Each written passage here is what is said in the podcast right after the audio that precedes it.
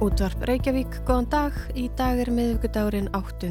júni. Katrín Ásmundsdóttir og Sunna Valgeradóttir helsa. Þú ert að hlusta á fréttaþáttin Þetta helst. Í dag ætlum við helst að skoða ófrjóðsemisaðgerðir sem voru gerðar hér á landi á fólki sem gati gendilega veitt upplýst samþykji sitt fyrir aðgerðunum og þau sem fenguða bara alls ekki. Likjuhneykslið á Grænlandi hefur vakið upp óþægileg hugrenningatengsla mörgum Íslendingum til þeirra tíma hér og víðar í heiminum þegar kynbótastefna, rasismi og fordómar voru sem rauður þráður í gegnum helbreyðiskerfin. Sunna teku nú við. Det var mest instrumenterne. Instrumenter, der skulle op i min livmor. Og det var ligesom knive, der kommer op. Jeg har fortrængt det í allt ár. Svo hljóðar byrjunin á nýjútkominni hlaðvarpserju danska ríkisútvarpsins Spiral Kampanjan eða Likkjuherrferðinni. Við heyrðum þarna lýsingar grænlensklar konu á því hvernig lækningartæki skárust upp í móðurlíf hennar þegar hún var 14 ára gömul og getnaðarvarnarlikjunni var komið fyrir inn í henni. Konan er einn tæplega 5.000 grænlenskra kvenna sem urðu fyrir gífurlegu ofbeldi af hendi danskra helbreyðisifurvalda á árunum 1966 til 1970 þegar ákveðið var að koma likjunni fyrir í ungum stúlkum í átæki til að hæja á fólksfjölgun í landinu. Já, maður er eiginlega bara orðlaus yfir þessu, verði ég að segja. Veist, þetta er, er eiginlega óskiljanlegt fyrir okkur sem búum hér á Íslandi og stjórnum skulle leifa sér þetta. Ég er bara ég er bara slegin. Og síðan er þetta, þú veist, vekur þetta, hugrinningatengsl við mál hérna og þaðan, þar sem að, að eitthvað svona var í gangi, menna þetta er nú líka gömul mál sem Íslands samfélag mm -hmm. þarf að mhm. gera upp í, í þessu samhengi. Gömul mál sem Íslands samfélag þarf að gera upp í þessu samhengi, sagði þingmaðurinn Sigmar Guðmundsson í vikulókonum um helgina. Ingi Björg Ísaksen, samstarfskona hans á Alþingi, sagði likju herrferð Danana á Grænlandi óskiljanlega fyrir okkur sem búum hér á okkar litla Íslandi. Já, þetta hljómar ekki vel. Raunar er hræðilegt að hugsa til þess að ríkið hafi tekið sér það allræðisvald að gera svona ingrippin í líkama kvenna, án þeirra vitundar og leifis. Eins og eitthvað úr handmeits teili eða öðrum álíka dystopískum sögum. Svona hefum við nú aldrei gert á Íslandi, sem betur fyrr. Eða hvað? Árið er 1938. Winston Churchill kvatti Bandaríkin og Vestur Evrópu til að búa sig undir stríð við Hitler. Styrmir Gunnarsson, reittstjóri og Haldur Blöndal, alþingismadur fættust og samband íslenskra berglasjúklinga, SIBS, var stopnað. Heimstyrjöldin síðari bankar á dyrnar og það er erfitt að búa á Íslandi. Það er kallt og blöytt, fólk er fátækt og það skortir húsnæði. Matur er af skortum skamti og lítið frambóð af innfluttum vörum.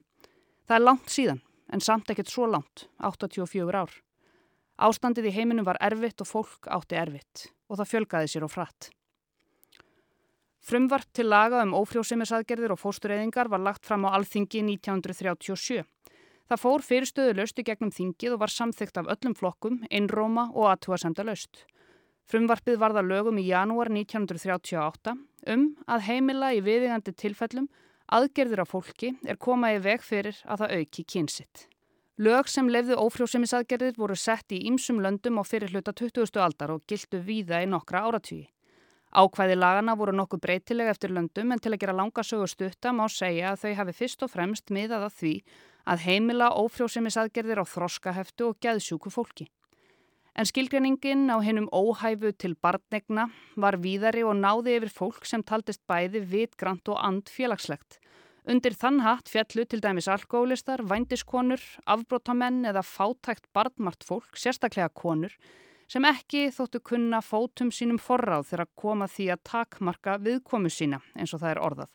Þetta segir í skýrslu Unnarbyrnu Karlsdóttur sakfræðings um ófrjóðsemisaðgerðir á Íslandi sem hún vann fyrir alþingi árið 2002. Megin kvattinn að ófrjóðsemislögum var yfirleitt arfbótastefna í blanduð rasisma og þjóðverðnishyggju. Í þeirri blöndu fólust meðal annars hugmyndir um misjamt virði manna fyrir þjóðfélagið eftir helsufari, efnahag, þjóðfélagsstöðu, ætterni, uppruna eða kyni og velferðarstefna kom einnig við sögu. Vönun andlegra fáráðlinga léttir þeim lífið, er þjóðinni til hagspóta og dregur úr úrkynjun komandi kynnslóða, saði í greinargerð Vilmundar Jónssonar, Þingmanns og Landlæknis með lagafrumvarfi hans um ófjósemisaðgerðir á Íslandi. Fyrirmyndaríkið okkar Danmörk var fyrsta landið á Norðurlöndunum til þess að setja lögum ófrjósemisaðgerðir árið 1929. Noregur og Svíþjóð fylgdi á eftir 1934 og Finnland árið setna. Og svo reyðum við á vaðið. Heilbreyðiskerfin tóku sér mjög mikið vald uh, á þessum, þessum árum og, og við hérna heima á, á, eiginlega bara fram til einmitt 1975 sem er þegar að þessu líkur þá voru vorum við hér heima að framkvæma sko ófrjóðsömmis mm. aðgerðir mm -hmm. á, á uh, senfærum uh, konum án þeirra uh, vitundar þannig að það, það er líka ímisaga sem að, að við þurfum að, að gera upp við. Saði Stefan Pálsson þarna í hlutverki Sackfræðings í síðustu vikulókum. Stefan vittnar þarna í lög sem voru í gildi í 38 ár frá 1938. Tvær tegundur ófrjósemisaðgerða voru heimilaðar, annars vegar vönun og hins vegar afkynjun. Vönun er skurðaðgerð þar sem göng til kynkirtlana eru hlutuði sundur eða þeim lokað. Það eru þó eggvegir kvenna og sáðrásir karla. Vilmundi þá landleikni og höfundi lagafrumvarpsins þótti orðið vönun þjált og henda vel.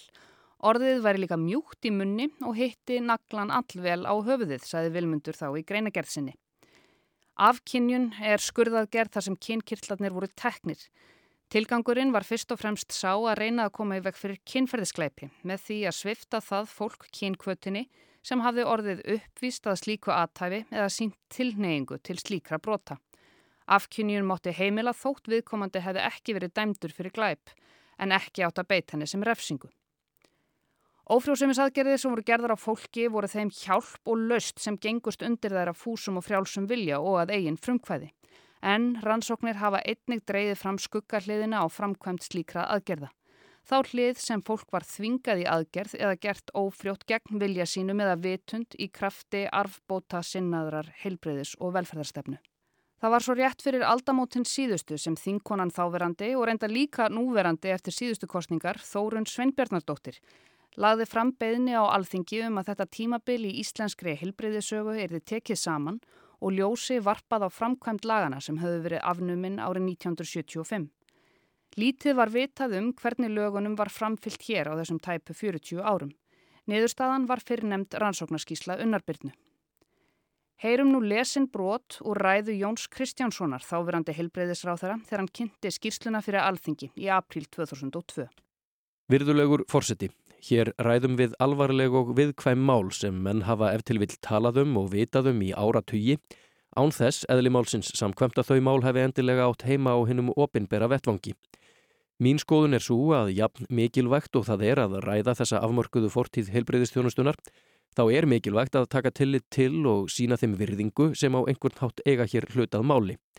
Laugin sem heimiliðu ofrjóðsemisaðgerðir voru á sinni tíð fyrst og fremst sett hér eins og annar staðar með það að markmiði að heimila ofrjóðsemisaðgerðir á þróskaheftu og geðsjúku fólki. Umræða um þessa fortíð okkar er mikilvæg vegna þess að okkur er holdt að horfast í auguviðana í þessu máli eins og öðrum og framtíðarinnar vegna er bringt að læra af reynslu fortíðar. Fyrsta aðgerðin var gerð 1938 þegar lögin voru sett og svo síðasta árið 1975 þegar ný lög tóku gildi.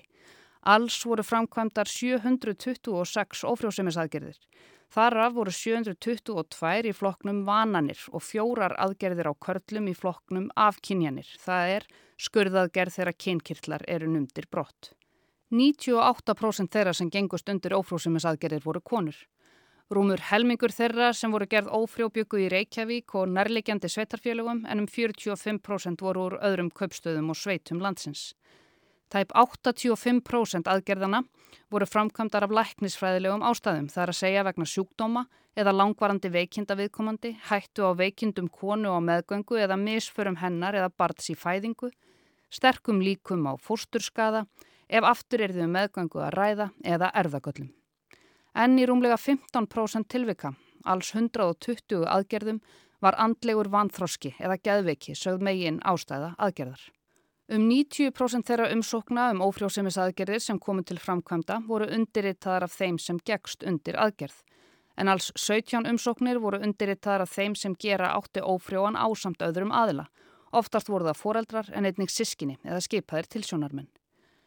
59 einstaklingar voru gerðir ófrjóir án þess að undirrita sjálf beðnu um það. Í meiri hluta þeirra tilfella voru foreldrar umsækjendur eða í 42 tilfellum. Fulltrúar barnavendanemnda undirrituðu alls fimm beðnir um aðgerðir sem komu til framkvæmda og framfærslu fulltrúi bæjarfélags undirritaði eina. Þessu utan eru dæmi um að frumkvæði að því að fólk hafi verið gert ófrjótt hafi komið frá einhverjum utan fjölskyldunar. Hér er átt við fulltrúa félagsmálastofnana, barnavendanemnda, bæjarstjórna eða lækna. Upplýsingar um fjölda slíkra málsatöka leggja ekki endanlega fyrir. Og uh, þetta byggði að einhver leiti á svona mannkínbóta stefnu þessi lög að það átti sem sé tilgangur lagana varð einhver leiti að vana eða gera þá einstaklinga ófrjóa eh, sem væru óheppilegir, óæskilegir til undaneldis saði Óttar Guðmundsson, geðleknir og áhuga maður um íslenska heilbreyðisögu hér á rás 1 fyrir nokkrum árum. En síðan eru þetta 120 mann sem eru vanaðir vegna geðveiki eða andlegs vanþroska og uh, þar í þeim hópi er, er nokkuð stór hópur sem, að, sem skrifar ekki sjálfur undir beðinuna, heldur er, eru þá aðstandendur uh, sem að skrifa undir. Og, og þetta er, er svona það sem menn hafa náttúrulega gaggrínt Eh, talsvert en, en þetta voru náttúrulega verður náttúrulega að hafa hugsa um það líka þetta voru aðrir tímar heldur núna og engar getnaðarvarnir sem hægt þarf að grýpa til Arfbótarstefnan var sem sagt halin mannúðleg og öllum fyrir bestu, sagði í greinargerð Vilmundar landlæknis með frumvarpinu. Það er náttúrulega þessi, þessi gamla hugsun að, að komi vekk fyrir að, að eh, ómagar fæðist þegar fóriðrættin eða móðurinn getur ekki alið önn fyrir þeim, getur ekki séð um þá, sakir andlegsvanþroska og uh, þannig að þessir einstaklingar myndur síðan að lenda á uh, sveitafélaginu mm. og það er verið að koma í vekk fyrir það og það er hugsun vilmundar og svo er hann það líka að koma í vekk fyrir það að, að ákveðin andlegur vanþroski erfist til næstu kynnslóða. Það er þessi svona ákveðina forræðishyggja gagvart ákveðinum hópi í samfélaginu sem, að, sem við erum að reyna að uh, komast frá í, í núgildandi lögjöf. Þú, þú segir það að Vilmundur, hann, honum var aldrei mikið í mun að uh, vera ekki spyrtur sama við, uh, við Þískaland uh, nazismans. Já. Þetta er að gerast á öðrum Norrlöndum einhverju leiti líka. En þetta er alltaf svipuðun tíma samt. Já, þetta er alltaf svipuð. Það er þessi mann kynbóta stefna sem, að, sem einhvern veginn vex fram í Evrópu á 2000-öldinni og það er mjög margið sem skrifa um þetta og menn einhvern veginn fara að velta því fyrir sér að það sé hægt að kín bæta mannin og, og það er þessi, þessi teória sérstaklega þískra eh, mannfræðinga sem sé að þeir sem að eru eh, andlega vanheilir og eh, eru síðblindir og glæpamenn að þeir eignist mikið fleiri börn en aðris og þeir eigi sér stærri fjölskyldur. og síðan muni þessi börn eh, eiga mun fleiri börn en aðrir og að smáta saman þá muni hinn er síðblindu og hinn er úrkynjuðu eh, endarteti eins og þjóðverið að sögðu að, að þá muni þeir bara taka yfir og það verða að koma í vekk fyrir þetta. Saði óttar í viðtali við Leif Haugsson heitinn í samfélaginu í nærmynd árið 2018. Og svo við höldum okkur á því herransári þá er mjög áhugavert að skoða tölur landlæknisembættisins um ófrjósemisaðgerir hér á landi í gegnum tíðina. Þetta tiltekna skjál sem við fjöllum um hér næri við fjölda aðgerða frá árinu 1981 til einmitt 2018, sem sé 37 ára tímabill. Á árinu 2018 voru framkvæmdar 650 ófrjósemisaðgerðir á Íslandi og er það svipaður fjöldi og undanfærin ár. Lang flestar aðgerðirnar voru gerðar á köllum um 85%. Ófrjósemisaðgerðar á konum það ár voru bara 92. En það hefur orðið mikil breyting á hlutfalli karla og kvenna sem undirgangast ófrjósemisaðgerðir hér undanfarna áratýi. Tölfræðin sínir að ófrjósemisaðgerðum á körlum hefur fjölgað jæmt og þjætt en á sama tíma hefur dreyið verulega úr slíkum aðgerðum meðal kvenna.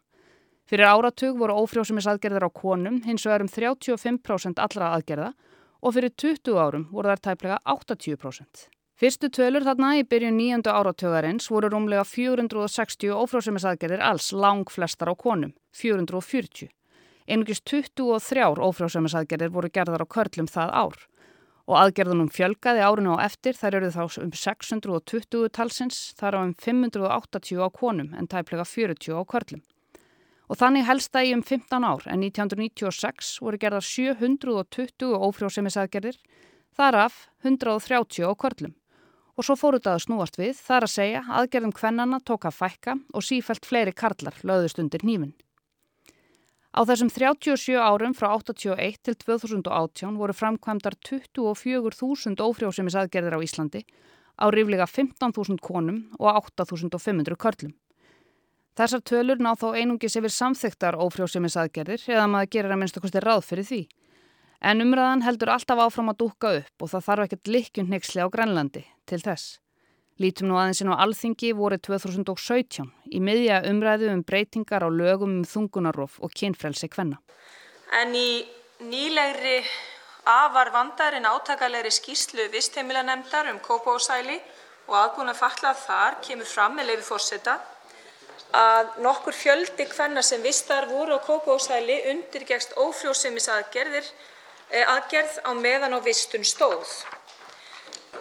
Flesti sem gerði voru ófrjóður án þess að undirrita umsókn voru undir tvítugu og talið var að meiri hluta umsókna þessa um aðgerð á fólki vegna andlegs vanþróska eða geðveiki mætti merkja að frumkvæði hefði ekki komið frá viðkomandi sjálfum. Og nú ber það svo við að frá árunni 1975 höfum við ekki tölulegar upplýsingar um fjölda aðgerða sem að gerð hafa verið á fólki sem býr við föllin eða andlegan vanþróska og ég mun óska eftir því hvort að hæstv. ráðherra muni beita sig fyrir því að frelsi kvenna til að ráða yfir eigin líkama nái líka til frelsi fatlaðra kvenna til að taka ákvarðanir lúta því að ráða yfir eigin líkama. Og þá hvort að, fyrirgefðu frú herra forseti, hvort rannsaka verði hvort að ófrjósemisaðgerðir eftir árið 1975 hafi verið samkvæmt. Saði Rósa Björk Brynjólfsdóttir, þingkona vinstri græna. Ófrjósemisaðgerðir, kynbótastefna og likjunhegslið á Grænlandi verður áfram helst hjá okkur í vikunni. Á fymtudag heyrum við í unnubyrnu sem vann skýrsluna fyrir alþingi á sínum tíma og fáum hennar sakfræðilegu sín á löggjöfuna hér á landi á sínum tíma og þessa ótrúlegu ákverðun dana gagvart grænlenskum unglingstúlkum. En svona þessi bæði rosalega sexíska nálgun og herraþjóðar og rasísk held ég að við verðum að kalla það fyrir þetta náttúrulega hvernfyrirletningu að fara þessa leið til þess að, að stemma stigu við þungunum og mikstúlna. En við heyrum betur í unni á fymtudag. Þetta var helst í dag. Takk fyrir að leggja við hlustir og við heyrumst á morgun.